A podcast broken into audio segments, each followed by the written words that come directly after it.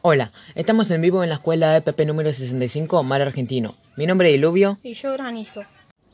Nos informan desde el estudio que tenemos una noticia de último momento.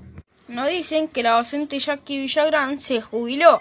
¡Qué alegría! Ella durante muchos años transmitió conocimiento con sencillez y profundidad.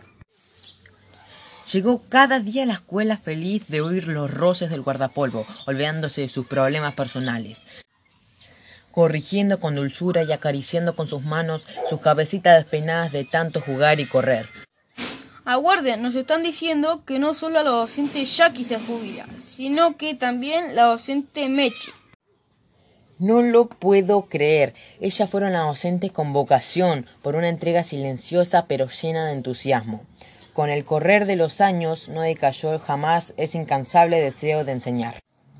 Hola señorita, ¿me daría un momento? Le comento que estamos transmitiendo en vivo por el motivo de la jubilación de dos grandes docentes de la institución EPP número 65 Mar Argentino, Jackie y Mechi. Me gustaría que dijeran algunas palabras.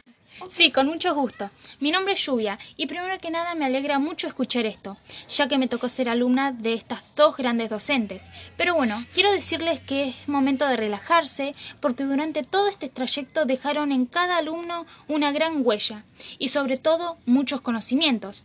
Esos momentos no se olvidan nunca. Siempre que entraban al aula lo hacían con una gran sonrisa, así que les deseo una gran jubilación, se lo merecen. Hermosas palabras de lluvia. Por esa razón y muchas actitudes más, siempre serán de nuestra escuela. Por eso queremos decirles gracias y felicidades por la labor cumplida.